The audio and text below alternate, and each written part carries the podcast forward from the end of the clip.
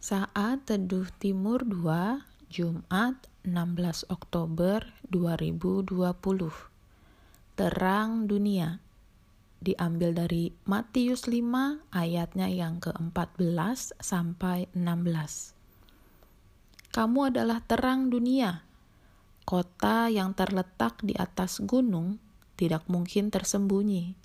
Lagi pula, orang tidak menyalakan pelita lalu meletakkannya di bawah gantang, melainkan di atas kaki Dian, sehingga menerangi semua orang di dalam rumah itu. Demikianlah hendaknya terangmu bercahaya di depan orang, supaya mereka melihat perbuatanmu yang baik dan memuliakan Bapamu yang di surga. Tahukah kamu Salah satu penyakit pandemik tertua di dunia yang sampai sekarang belum berhasil dihapuskan adalah flu atau influenza. Penyakit yang disebabkan oleh virus ini disebut pandemik karena sebarannya yang sangat luas.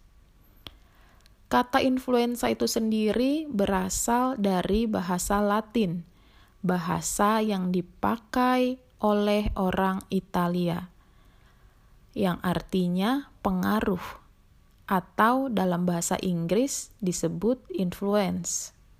Dengan kata lain, seseorang dikatakan terjangkit flu atau influenza secara harafiah, sebenarnya yang bersangkutan disebut sedang terkena pengaruh.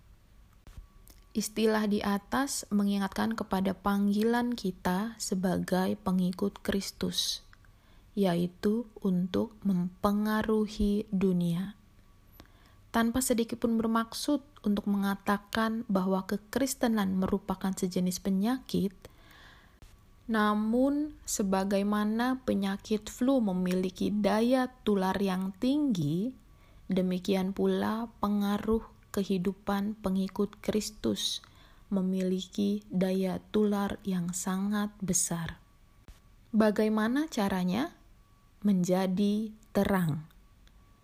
Dalam dunia yang gelap karena dosa, orang percaya kepada Kristus diharapkan menjadi terang yang bercahaya agar memiliki daya tarik bagi orang lain untuk datang kepada Kristus.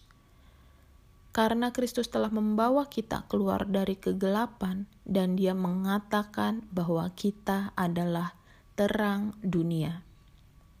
Untuk itu, apa pun keadaannya, tetap jadilah terang di dalam dunia yang gelap ini. Dengan melakukan perbuatan-perbuatan baik yang dapat dilihat dan diakui orang, sehingga Bapa di surga dimuliakan.